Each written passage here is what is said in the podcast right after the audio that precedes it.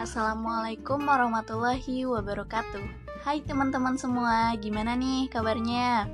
Semoga sehat ya. Eits, jangan lupa untuk tetap jaga kesehatan Apalagi di masa pandemi gini. Nah, berhubung ini podcast pertama gue Jadi gue mau perkenalan diri dulu nih.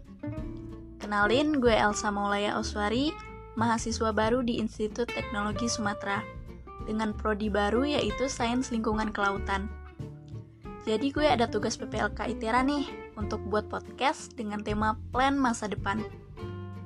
Bicara tentang plan masa depan, menurut kalian perlu nggak sih? Kalau menurut gue sih perlu ya.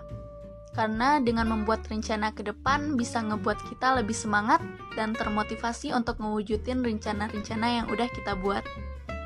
Rencana gue dalam jangka pendek ini, semoga gue bisa hidup mandiri di sana Maklum lah ya, anak rantau jadi masih beradaptasi dengan lingkungan yang lama ke lingkungan yang baru.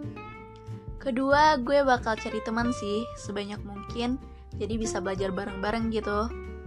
Tiga, mungkin gue bakal masuk organisasi juga, biar nggak kaku-kaku amat.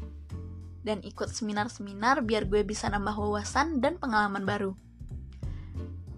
Uh, terus gue pengen terus ningkatin nilai gue dengan lebih rajin buat tugas walaupun terkadang pasti kita juga ngerasain males gitu kan ya ngerjain tugas apalagi pas daring gini. Bicara tentang males nih jadi gue nonton youtube-nya Kak Maudi Ayunda.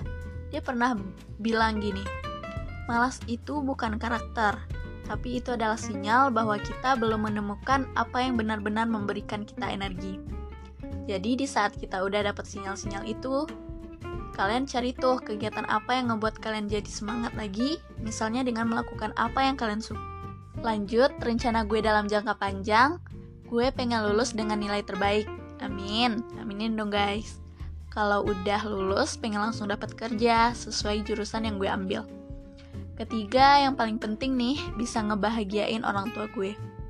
Nah, rencana-rencana di atas supaya bisa terwujud, ya dengan terus giat dan berdoa kepada Sang Pencipta. Ditambah support dari orang tua dan teman-teman tentunya. Dan terakhir, jangan lupa ketika lu pengen menyerah, ingat alasan kenapa lu masih bertahan. Sekian dari gue, terima kasih dan see you guys.